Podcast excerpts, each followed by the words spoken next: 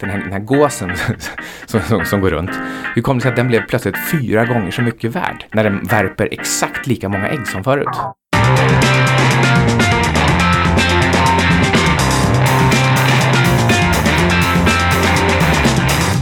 Hej! Du lyssnar på 25 minuter med Syding och Sundström. Tjena Ludvig. Tjena Micke, hur är läget idag? Det är, ja, men det är väl bra. Vi får, vi får säga att det är bra. Men eh, vi ska ju prata om eh, jobbiga och tunga saker. Hög inflation, eh, bostadspriser, eh, räntor. Eh, hur, man, hur ska man kunna hantera det här egentligen? Den officiellt uppmätta inflationen i USA, senaste siffran var 8,5 procent. Det brukar ungefär betyda att den riktiga inflationen är typ tre gånger så hög, 25 procent.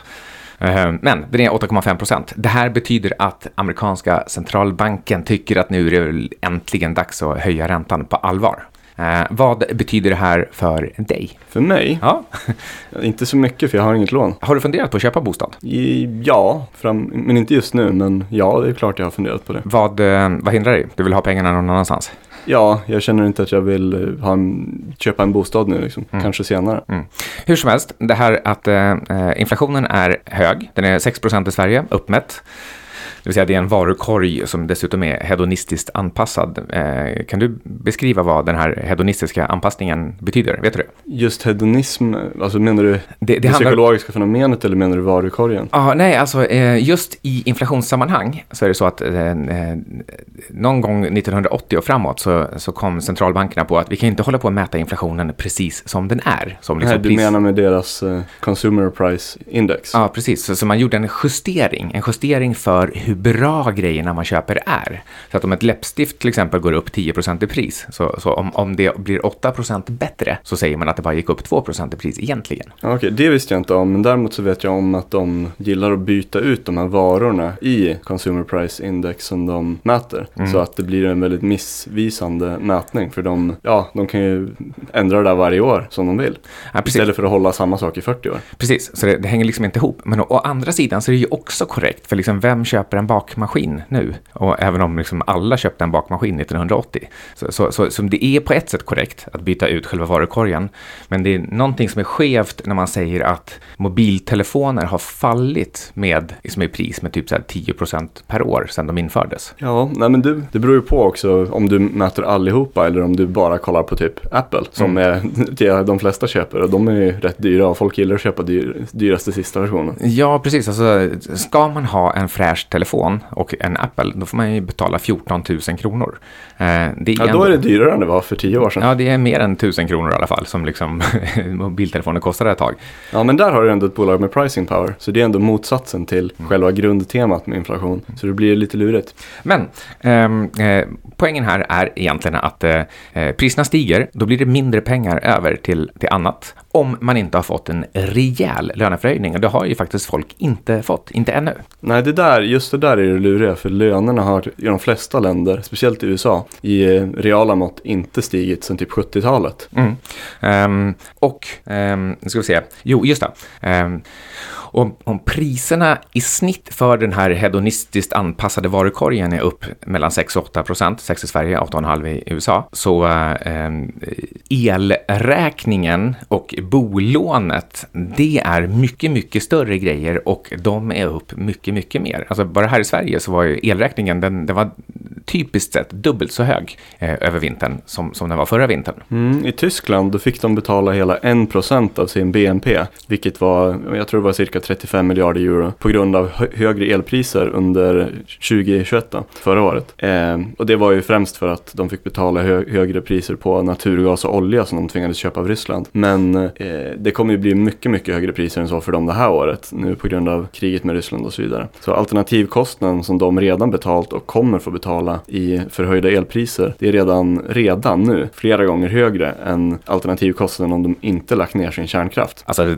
det där är kanske ett av av tidernas största policymisstag. När Greenpeace får Tyskland att eh, stänga ner sina kärnkraftverk och göra sig extra beroende av Ryssland. Och Putin sitter där liksom och, liksom, vad heter det, man inte tvår sina händer, man liksom så här gnuggar, gnuggar händerna av förtjusning när han bara yes, nu har vi liksom Tyskland on the hook. Mm. De, de, har liksom ingen chans att göra någonting annat än att köpa vår gas, vilket innebär att då kan vi ju gå in och ta Ukraina. Ja, det var antagligen planen, men oavsett om det var plan eller inte så det var otroligt korkat och är otroligt korkat av Tyskland. En av de största politiska misstagen och geopolitiska misstagen och energipolicymisstagen i sista 50 åren. Ja, eh, ska, ska vi ta ett, ett, ett litet eh, räkneexempel? S säg att du har ett, eh, ett lån på 2 miljoner på din bostad och räntan går från 1% till 4%. Um, ehm, hur går det då med hushållsekonomin? Ja, det beror väl på lön och övriga saker. Men eh, om du har 1% ränta, då är det 1667 kronor i månaden i fast utgift. Och om du har 4% ränta, då stiger det till 6667 kronor i månaden. Ja, och får man liksom 5 000 kronor extra i kostnad i månaden om du inte har fått en löneförhöjning på 5 000 i månaden, då, då blir det där ganska jobbigt. Mm, åtminstone om man, är, om man inte är förberedd. Ja, det där måste ju tas någonstans. Alltså det tas från eh, resor, från kläder, från eh, alkohol, eh, alltså restaurang och utgång. Liksom, det, det, kan bli tufft. Men, men vi, eh, vi, diskuterade en sak eh, precis innan avsnittet och, och det var eh, betting. Alltså eh, online-casino och liknande. Va, va, vad tror du om det? Om, om, om man får 5 000 mindre över i månaden. Hur går det då med online eh, liksom, casino? Ja, det är ju det som blir som man får se och eh, nu, nu har ju många av de här bettingbolagen gått ner en del men det, den stora, vad ska man säga, största, viktigaste, ledande indikatorn av mest stabila bolaget är det här Evolution. De ska ha sin rapport på torsdag. Det ska bli rätt intressant att se om de klarar att eh, visa fortsatt eh, tillväxt och stigande vinst trots det här. Nu säljer ju visserligen de business to business till andra kasinon men om andra andra kasinon inte har haft eh, sån här, ja, tillräckligt stor efterfrågan på grund av att konsumenterna inte velat spela lika mycket. Då lär det ju inte heller gå fortsatt bra för Evolution. Uh, nej, ver verkligen. Uh, om, man, om man går tillbaka till uh, den här frågan om, om räntekostnader så är det också så att um, om, räntan går från 1% till 4% och, och din, din, din egen liksom, bolåneräntekostnad går upp från 1600 till, till vad sa vi, 5 och, ja, 6 och 7. Ehm, det är inte den enda räntekostnaden som går upp. Det är nämligen också så att din förening har ju typiskt sett också ganska mycket lån och, och den får ju också motsvarande kostnadsökning. Och den kostnadsökningen, den kommer fida in till eh, din hyresavgift. Så du får, får både en, en, liksom en, en kraftigt höjd bostadsrättsföreningsavgift och din egen lånekostnad. Eh, så det, det, där är ju liksom en dubbel, dubbel effekt som jag, jag tror få, få tänker på. Eh, men jo, ehm, vi, ehm, vi sa innan också att vi eh, skulle prata lite grann om hur, hur funkar det egentligen? Alltså så här, hur ser själva mekanismen ut? Från... Ja, hur funkar det med, om, alltså bara för att man säger att räntan ska höjas, hur går det från att till exempel centralbankerna säger nu höjer vi från 1 till 3 procent, men hur, hur, liksom, hur, hur slutar det sen med att det går till, för, till högre bostadsränta? Mm, då är det så här, eh, bankerna, alltså själva den här styrräntan som vi pratar om, när centralbanken, Riksbanken säger nu sätter vi räntan räntan till 1,5 procent. Vad, är det för någonting? Jo, det är en ränta ungefär, kan vi säga, som, som bankerna kan Eh, placera pengar över natten och låna pengar över natten. Det är inte riktigt så, liksom det, det, är lite andra tidsperioder och det, det, funkar inte exakt så och det är lite, lite, lite plus och minus på själva räntesatsen. Men i princip så är det så att det där är den liksom ultimata räntan som eh, riktiga banker kan placera pengar och låna pengar. Eh, men eh, när en bank ska låna ut ett, ett, ett, bostadslån till dig, vad händer då? Alltså det är inte så att banken bara kan liksom, trixa till det i balansräkningen och säga här får du pengar. Eh, vad, vad, den faktiskt måste göra är eh, skapa de här pengarna eller hämta pengarna någonstans. Och, och, vad man gör då det är att man säljer en så kallad eh, en, en, en bankobligation på marknaden. Så om Swedbank ska låna ut en miljon till dig då, eh, då skapar den en obligation på en miljon kronor och så säljer den den på, på marknaden. Ehm, och, och, och, den här måste ju då noteras till någon typ av ränta som, som eh, eh någon annan vill ha. Och beroende på vad liksom den allmänna räntenivån och risktoleransen är i eh, samhället eh, så är man mer eller mindre sugen på att köpa den här obligationen. Eh, och, och, och det, är liksom, det, det är där styrräntan också kommer in. För att den, den talar om vad det är för riskfri nivå i samhället. Um, och sen är det inte, förstås inte så att, att banken skickar ut en ny obligation för varenda litet, litet bolån, utan vad den gör är att den, eh, Swedbank eh, vet ju liksom att vi, vi, vi ska, vi ska eh, låna ut 50 miljarder det här kvartalet eh, och då ger den ut eh, en obligation på, på 50 miljarder. Eh, och sen är det de pengarna som, som Swedbank liksom ligger och, och tar ifrån när, när, när den lånar ut. Mm. Och vem köper de här obligationerna? Alltså, typiskt sett pensionsfonder Ehm, det kan också ibland vara alltså, typ hedgefonder som vill ha en viss del ehm, ränterisk och en viss del aktierisk. Ehm, men, men eh, oftast så är det dedikerade eh, räntefonder. Alltså det, det är liksom fonder som, som, det är de, liksom deras hela existensberättigande bygger på att köpa och sälja ränteinstrument. Eh, en mm. del håller liksom forever, det är typiskt sett pensionsfonder och andra de tradar de här obligationerna. Mm. En av de konstigaste grejerna, det måste varit att alla de här köpt, speciellt pensionsfonderna och liknande, att de köpt så extremt mycket av de här obligationerna de sista tio åren när gett negativ avkastning. Ja, alltså det är en himla märklig... Det är, det är ju för att de är lagstiftade köpare. Eller ja. är, de, är, är de inkompetenta? Ja, ja nej, men det är så. Ehm, mm. Eh, de har, det finns ett reglemente som säger liksom vilken risk du måste ha. Och, och, och eh, det är egentligen bara statsobligationer och bostadsobligationer som uppfyller det riskkravet. Och det innebär att det anses helt enkelt lagmässigt vara låg risk att köpa någonting som du vet att du förlorar pengar på. Problemet är att när, när sådana där ineffektiviteter håller på för länge, då går det till slut för långt. Och det är omöjligt att säga när. Liksom. Och det är det jag kommer till det lite senare här, att du, du säger självsäkert att du tror ett, eh, vissa saker så här. Och jag säger att jag är lite osäker sådär, men att ur en historisk synpunkt så är det sannolikt att någon gång går det för sent liksom. Så varför inte nu? Eh, men poängen är bara att sådana här saker skapar bubblor och förr eller senare så spricker de. Men det är ju jättesvårt att veta när. Ja, och det är inte minst svårt att veta på vilket sätt de, de spricker. Um, man kan spricka nominellt eller uh, reellt. Uh, och, och, det jag tror, uh, alltså anledningen till att jag är extremt positiv till, till bostadspriser och faktiskt också bostadsutlåning och även till att bolåneräntan inte kommer stiga så himla, himla högt det är att jag tror att det här blir en eh, reell krasch, inte en nominell. Eh, och det innebär att vi kommer få se både högre utlåning och mycket, mycket högre fastighetspriser. Alltså jag tror, må många tror ju liksom nu att vi står på någon slags topp. Hur, hur kan det vara så att vi har ett snittpris per kvadratmeter på ungefär 120 000 eh, i innerstan i Stockholm? Alltså det, det är många som tycker att det är helt sjukt, men jag betalade en tiondel av det när jag köpte min första lägenhet. Alltså jag betalade cirka 12 000 per kvadratmeter och nu är det 120 000 jag behöver inte ens blinka när jag tänker att det kan mycket väl bli 1,2 miljoner kronor per kvadratmeter om inte så himla lång tid.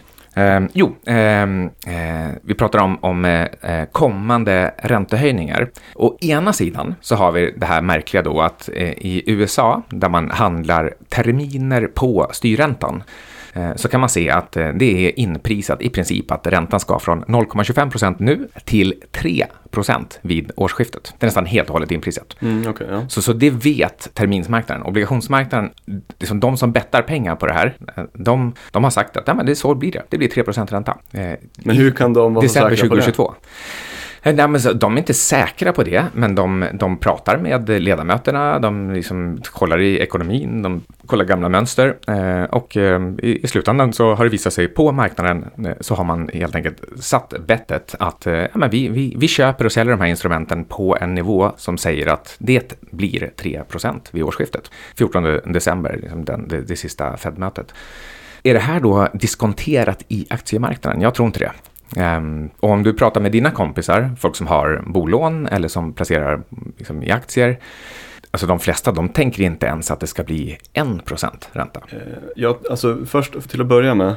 Hur, hur, är, hur tänker du att, eh, om vi säger att eh, det inte är inprisat att det ska gå till 2 eller 3 procent eller mer eh, på räntan. Men att, det, att börsen inte prisar in det. Men samtidigt tänker du att bostadsmarknaden ska fortsätta uppåt men börsen ska krascha. Hur ja. tänker du att det ska hända? ja, alltså hur ska inte de två korrelera? Ja, alltså det är ju en, en, en, märklig kombination här. Men vi ska, vi ska klart för oss att, att de, de senaste eh, 20-25 åren så uh, har egentligen den svenska bostadsmarknaden aldrig gått ner. Alltså den, den har så, så stått stilla ett tag, det har varit låg omsättning, det har kanske varit svårt att sälja, men folk har inte panikerat ut liksom, och sålt sina bostäder till liksom, vilket pris de ännu kan, kan få. Det, jag vet bland annat för att jag köpte den här lägenheten som vi sitter i, den köpte jag i 2009. Det var egentligen den, den, den, största bostadskraschen som, som vi har haft sedan eh, 91. Eh, och, och då gick egentligen priserna ändå bara ner 10 procent. Och sen, sen dess har de gått upp 10 procent per år. Och det är oavsett vad börsen har gjort. Alltså det har varit många krascher på börsen sedan dess. Och, och liksom, eller inte sen dess, men, men, eh, men det var en krasch 0203, det var kraschen 0809, det var ju då jag köpte.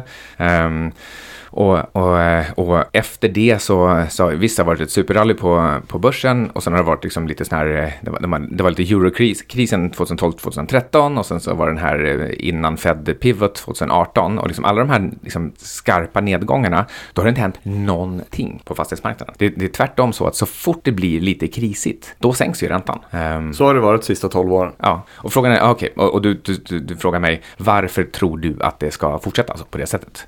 Um, och, och och anledningen är att eh, hela den svenska ekonomin, konsumtionen, eh,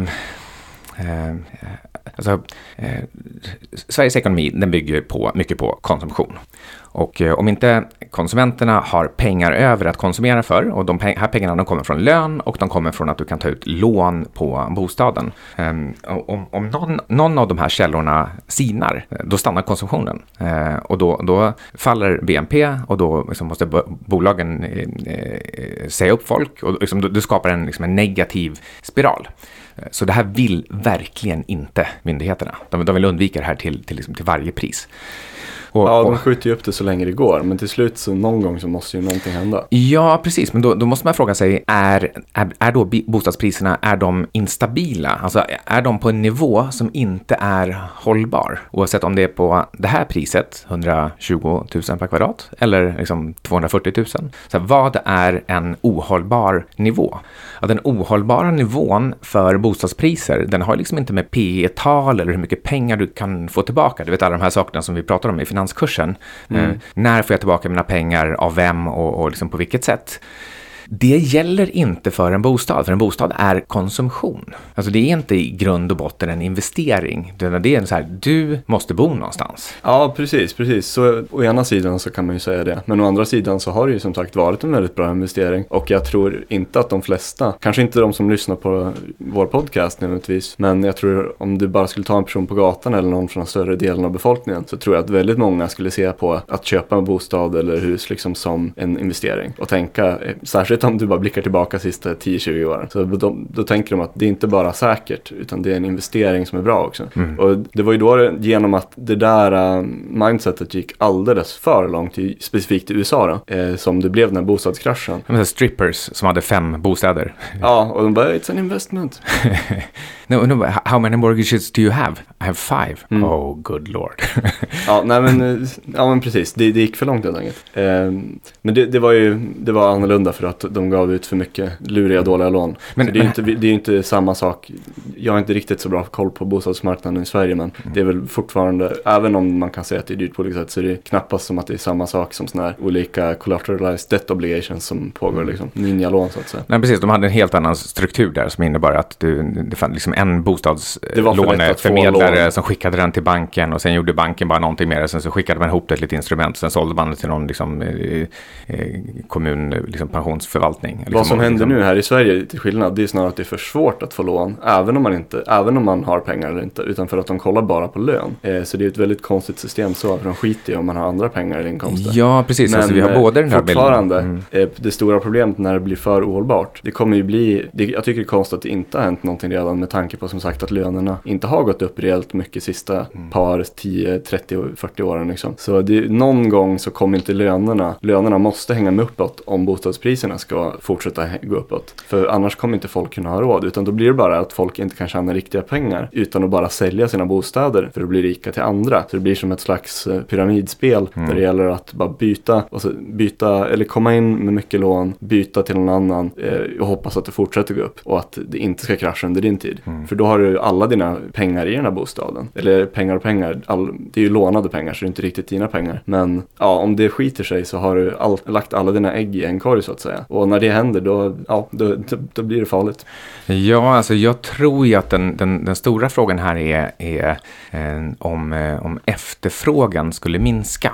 Eh, inte priset i sig eller tillgången till, till lån, för som du säger så det finns redan artificiella gränser i form av att du måste ha en lön och du får inte låna mer än fem gånger lönen och sen så måste du amortera om du liksom lånar över en viss, viss procentnivå.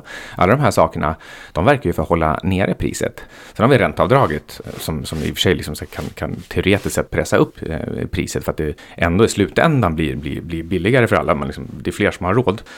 Ehm, men men ehm, bara det här att det finns artificiella begränsningar. Ja, vi har så extremt ja. mycket lagstiftning och sånt som gör att du inte har riktigt, vad ska man säga, det är inte, det är, det är långt från en perfekt marknad ja. att vem som helst kan bygga ett hus och att ja, de, de trycker ner efterfrågan mm. så att du inte ska kunna bygga så mycket som möjligt. Ja. Och, och, med, och med en procent i ränta som det är nu, um, ungefär för, för liksom ändå de flesta som lånar, uh, då borde egentligen priserna vara högre. För folk har råd med den. Alltså det, det, det är inte en, eh, en, en, liksom en stor eller liksom saftig eller jobbig, jobbig utgift när, när räntan är på 1%. Och, och bankerna de, de säger i sina riskkalkyler att du måste kunna hantera 6% ränta.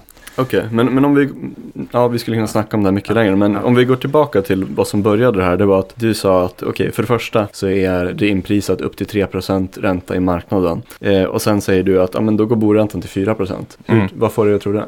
Um, ja, men bank, bankerna de prissätter sina obligationer från, uh, um, utifrån styrränta och sen så helt enkelt plus, plus en, eh, en, en, en uh, ett pålägg. Det är ju för att de ska ju tjäna pengar på något sätt. Eh, och för banken så funkar det så att om, om, eh, eh, om de lånar en miljard, eller då säger de, de lånar 100 miljoner.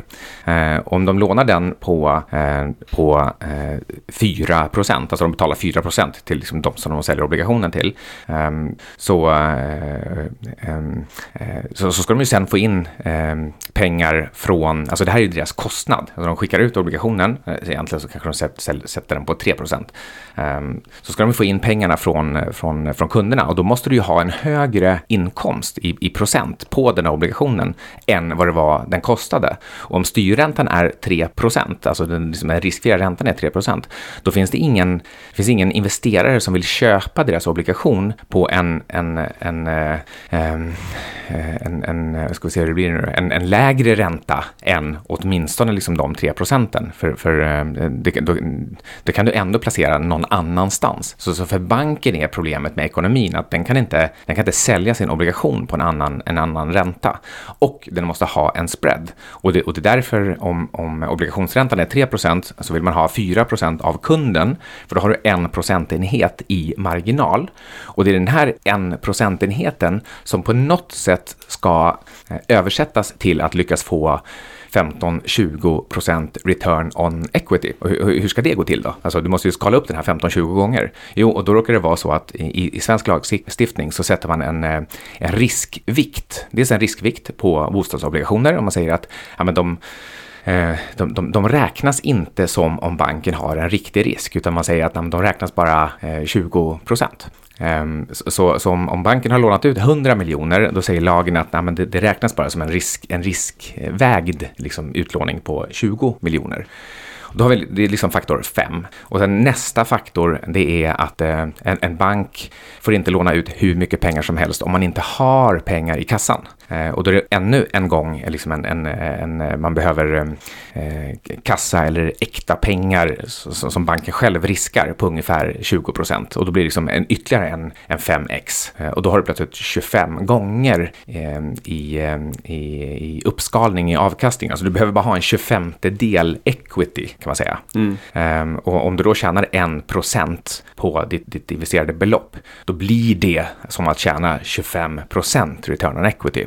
Eh, nu blev det här, li, lite summariskt, li, lite för stora siffror. Det kanske snarare ska vara 4 gånger 4, så det är 16 procent return on equity de tjänar. Men, men, men, men det förklarar varför de måste ta ut en ränta som är högre än, eh, än styrräntan. Mm, Okej, okay. ja jag förstår. Eh, om vi sen går vidare till nästa sak här. Eh, du tycker, att, tycker eller tror att 2 procent, bara 2 procent, inte för att inte nämna 3 procent, eh, inte är inpris, eh, procents ränta då, som riskfri ränta sett för hela börsen eller ekonomin. Du anser att det inte inte inprisat börsen som helhet. Då tycker jag för det första att eh, det beror på vad man kollar på för bolag. Säkerligen inte på alla de mest dyra såna här te- övervärderade techbolagen och, som inte gör någon vinst. Eller sådana här zombiebolag som har jättehög belåning och inte kommer kla kunna klara sig om räntan höjs det minsta. För det är riktiga skräpbolag i allmänhet. Som är bara, att man ska egentligen, om man har något vett ska man hålla sig borta från dem. Liksom. Eh, men jag tycker redan i nuläget att det börjar finnas en hel del riktigt kvalitativa bra bolag med pricing power och liknande som har riktigt bra historik som ser ut att ha riktigt vettiga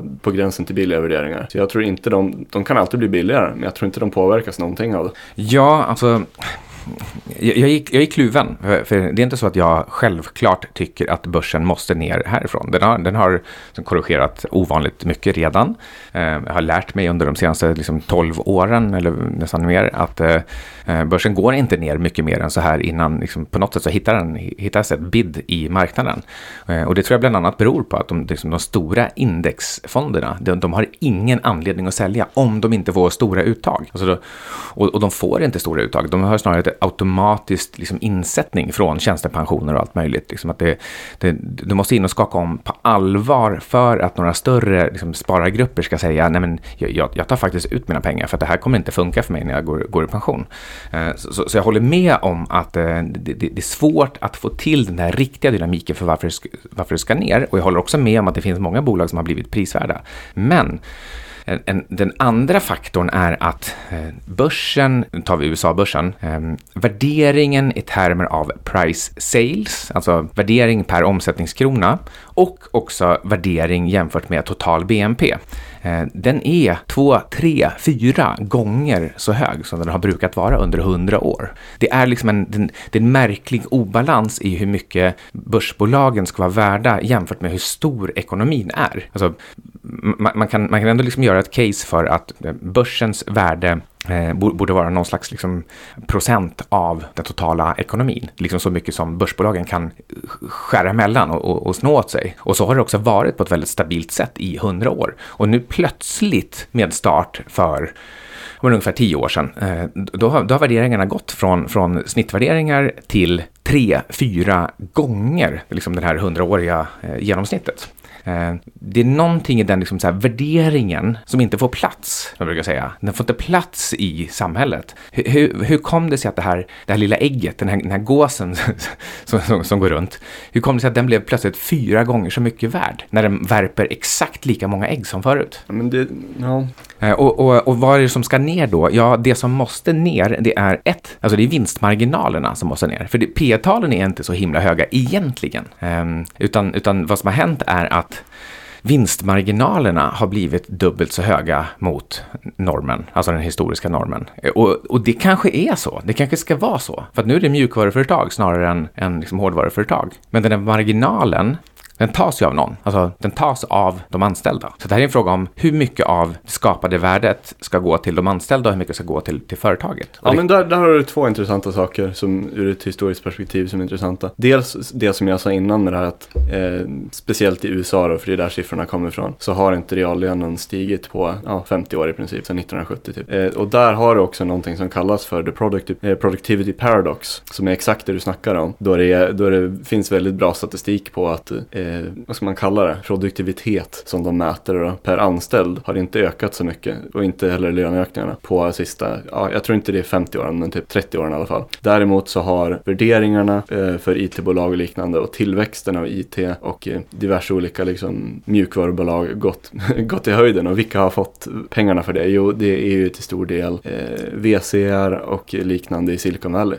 Eh, ehm, ja, eh, och, och, och, frågan är då, kan det här fortsätta? Är det, är det rimligt att tro att det här kan fortsätta?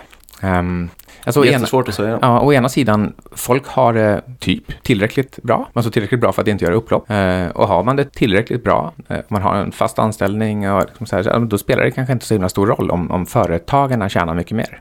Men, men historiskt så har det liksom sällan varit en stabil situation när, när det blir för stora klyftor. Nej, det, det, det är jätteintressant, för det där är på extrempunkter de där två grejerna nu, eh, sett i historiskt. Och det där, han Ray Dalio med sin Changing World Order på sistone, han han, han illustrerar det där jättefint med grafer och allt möjligt. Det är ganska lätt att förstå om man kollar på det liksom. Men det är, det är väldigt uppenbart om man kollar på graferna att det är, det är en historisk extrempunkt i form av det där. Och det har inte hållit tidigare i historien när det blivit så. Eh, inte på lång sikt i alla fall. Däremot så är den stora skillnaden om man bara ser på det rent ekonomiskt nu jämfört med då. Det är just det här med att du har en global marknad som går att nå via internetföretag. Och då kommer det alltid vara så att ett fåtal bolag som har extrema affärsmodeller som typ Microsoft eller Evolution eller ja, några sådana där bolag som är otroligt bra och lyckas ta en sjukt stor del av marknaden. Och de, då får de en extrem värdering och är också extremt värdefulla. Mycket, alltså ofattbart mycket mer värdefulla än ett litet industribolag liksom, som inte kan växa lika mycket. Och då,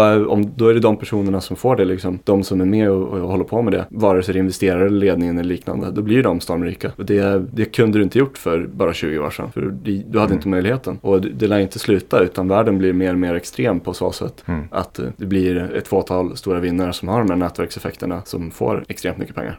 Ja, och hur, hur, extrem kan den bli innan någon liksom kräver en rejäl förändring? Ja, då blir det typ så här socialistisk diktatur.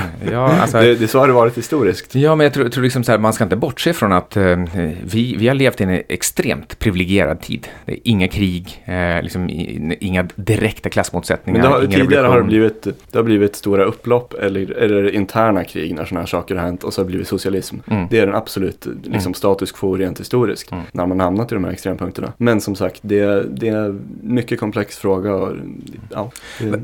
vad, vad, tror du förresten att, om, om man ska kom, komma med någon slags eh, spekulation här. Tror du att det är smart privatekonomiskt att köpa bostad nu? Och om man köper bostad nu, ska man binda räntan eller inte? Nu, du, du, står ju liksom ändå utanför bostadsmarknaden, så det här skulle kunna vara en relevant fråga för dig. Jag, jag sitter ju liksom så här mitt inne i den, har haft bostad i 25 år, så liksom jag, eller mer, 27, så, liksom, så jag räknas inte. Eh, jag hade inte varit intresserad just nu, eller närmaste kanske ett eller två år att köpa en bostad. Men det är väl din specifika situation Det är min också. specifika situation. Eh, och då, då, tänker jag mer i form av alternativkostnad och att, ja, diverse olika saker som skulle ta lång tid att förklara. Men skulle jag bundit upp det, om jag hade velat köpa en bostad, hade jag bundit räntan nu? Eh, jag vet inte, det beror på min förhandlingsposition är. Ja, alltså det där är också, eh, det är lite knepigt, men jag gjorde en litet räkneexempel i, i Google Sheets precis innan vi gick in här eh, och bara kollade vad händer om man har 1% ränta nu, bolåneränta, och sen så får den liksom stiga under fyra års tid till 4% och sen därifrån så faller den från 4% ganska fort på ett år till 2,2 procent. Det finns en anledning till att jag väljer just 2,2 procent. Ehm, eh, eller så eh, tar du ett fast lån nu, en fem, femårslån, eh, precis lika långt. Ehm, på, på Swedbank så är listpriset på det 2,27 procent. Ehm, för den här femårsperioden där räntan ändå liksom går från 1% till 4% i bolåneränta och sen ner till, till 2,2. Ja, men jag kan säga direkt att givet min situation så hade jag bundit räntan. Ja. Eh, dels för att jag är lite riskavärt och dels för att det, det är en tillräckligt bra deal. Mm. Och, och en, precis, den är tillräckligt bra. Mm. Det, exakt. Eh, och, och, det är bra som försäkring, för man vet aldrig om den plötsligt ska liksom gå till 15%. På så sätt så är det värt det att binda den på 2,27. Men då binder du bara i fem år. I och för sig, du kan binda den i tio år på ungefär samma ränta. Eh, men, men, i, i, mitt räkneexempel, när räntan går från 1 till 4 och sen ner till 2,2, eh, då blir det fortfarande billigare att ha rörlig ränta hela den där vägen än att binda nu på 2,27. Ehm, och tar du det på 10 års sikt, ja men det är ungefär samma ränta att binda på, vilket är lite konstigt. Det, det, historiskt sett så är det mycket, mycket märkligt, för det, det säger någonting om att här, bankerna, de vet ju vad de gör. Det är deras rikt, egna riktiga pengar och de ska liksom sätta de här obligationerna på, på, på marknaden. Det är någon som köper dem. Så, så de har liksom redan, de tar ingen risk. Alltså de tar exakt noll risk på räntan. De har redan sålt pengarna. Um, och, och, och, och, det kan de göra på 2,27 procent. Varför kan de göra det? Jo, därför att marknaden är helt övertygad om att eh, tillväxten eller inflationen blir så låg på 10 på tio år att den, den blir inte mer än så. Mm. Eh, och om du, eh, den som binder räntan, den tar egentligen bettet att man vet bättre än bankerna. Mm. Det, det, ja, jag hade ju läst på mer, men ja. fortfarande som, som bara första tanke utan att läsa på någonting så tycker jag som sagt det är bra nog. Mm. Ja, och jag håller med. Det är bra nog, men man ska veta att det man gör är att man säger jag vet bättre än banken. Liksom det är det man verkligen de facto gör. Eh, och, och, sånt, ehm, jag tycker man ska vara lite försiktig med att, att tro att man vet bättre än, än eh, liksom de här som ändå tar besluten för liksom tusen miljarder. Alright, och eh, eh, vad, vad tror du om, om börsen? Jättesvårt att säga, men jag tycker man kan göra en eh, liten summering här. Om man tror på tre olika saker som vi snackat om. Först, om man tror att det här är en kortsiktig puckel eh, och att det liksom, ja, det är en botten nu och man tror att det ska fortsätta sen som det gjort sista 12 åren kanske. Då, eh, alltså uppåt då och ganska snäll centralbankspolitik när de trycker pengar och aktier fortsätter gå upp och sådär. Då eh, tror jag att, ja, då ska man vänta lite och sen köpa, fortsätta köpa sådana här kvalitativa techbolag och tillväxtbolag som, som är lönsamma. Då. in, specifikt som är lönsamma. Eh, som har gått ner oförtjänt mycket nu de sista sex månaderna. Det, det är första saken, om man nu tror på det. Å andra sidan, om man tror på höjd ränta i många år framåt och en slags lågkonjunktur eller recession, kanske till och med en krasch, då ska man absolut inte äga något sånt här zombiebolag med höga skulder eh, och väldigt hög capex och tjäna, låga vinstmarginaler som måste ha de här låga räntorna. De ska man absolut inte äga, de ska man sälja direkt. Eh, inte ha något att göra med. Ska man kanske behålla pengarna på banken eller köpa massa olika råvaror. Och sen min slutsats som är som sagt syntesen av de här två. Det är att oavsett vad man tror så ska man ha riktigt bra bolag med pricing power. Att de kan höja priserna varje år alltså. De har någonting som folk gillar. Eh, låg capex, alltså låga underhållningskostnader och helst låga eller väldigt hållbara skuldnivåer som inte är några problem om man höjer räntan från 1 till 5 procent eller liknande. Ja, det låter ju bra, men eh, hur, hur hittar man de där bolagen? Man får leta. Man får leta. ja. Eh, har, har, du några? Jag har många. Ja, um, det kan vi ta i ett annat avsnitt. Um, um, vi har ett, liksom ett sista tema här också med digitalisering och, och elektrifiering uh, som är två super-megatrender som vi båda två tror de kommer att fortsätta oavsett liksom, hur ekonomin går, uh, oavsett konjunktur. det, uh, det är bara mer frågan hur, hur spelar man det utan att behöva riskera pengarna på oprövade startups? Det är faktiskt lite svårt. Ja, det är en bra fråga. Eh, men jag tror att det är också, det är också en fråga för ett, för ett annat avsnitt. Eh, eller för faktiskt eh, finanskursen. Mm. Så kolla in finanskursen som börjar den här söndagen. Så om du är intresserad av att kunna räkna på aktier, då ger finanskursen en stabil grund att utgå från och förhoppningsvis känna sig självsäker nog att välja sina egna aktier. Ja, om man inte liksom bara vill chansa egentligen, utan faktiskt sätta någon slags siffror på allting. Vad är det här värt? Vad är det för sannolikheter? Hur, hur rangordnar jag olika investeringsalternativ? Men då är finanskursen precis perfekt för dig. Ja, så kolla in finanskursen.se som är öppen för kursregistreringar just nu och stänger i slutet av veckan. Ja, och jag tror att det här är nog eh, just nu på börsen så är det här kanske det bästa tillfället att faktiskt verkligen lära sig om värdebaserade investeringar. Ja, oavsett om det blir någon slags nedgång, eller vad säga, eh, om det blir en slags sättning nu och det står stilla ett tag till, eller om det kanske blir i slutet av året eller kanske till och med nästa år. Med att oavsett så tror jag att det, det är ett bra läge att vara förberedd och ha en lista med bra aktier framöver. Så man, så man är redo när det väl går upp igen förhoppningsvis. Precis, nu när, eh, när börsen har varit lite negativ ett tag och man ser de här intensiva korta rekylerna, då är det faktiskt extra farligt att vara momentumdriven eller känslostyrd och eh, eh extra viktigt att ha någon slags eh, förankring i ett, ett, ett faktiskt värde. Men då, då har du, ja, gå in på finanskursen.se. Mm, och så hörs vi snart. Ja, då har du lyssnat på 25 minuter. Mm, tack och Hej.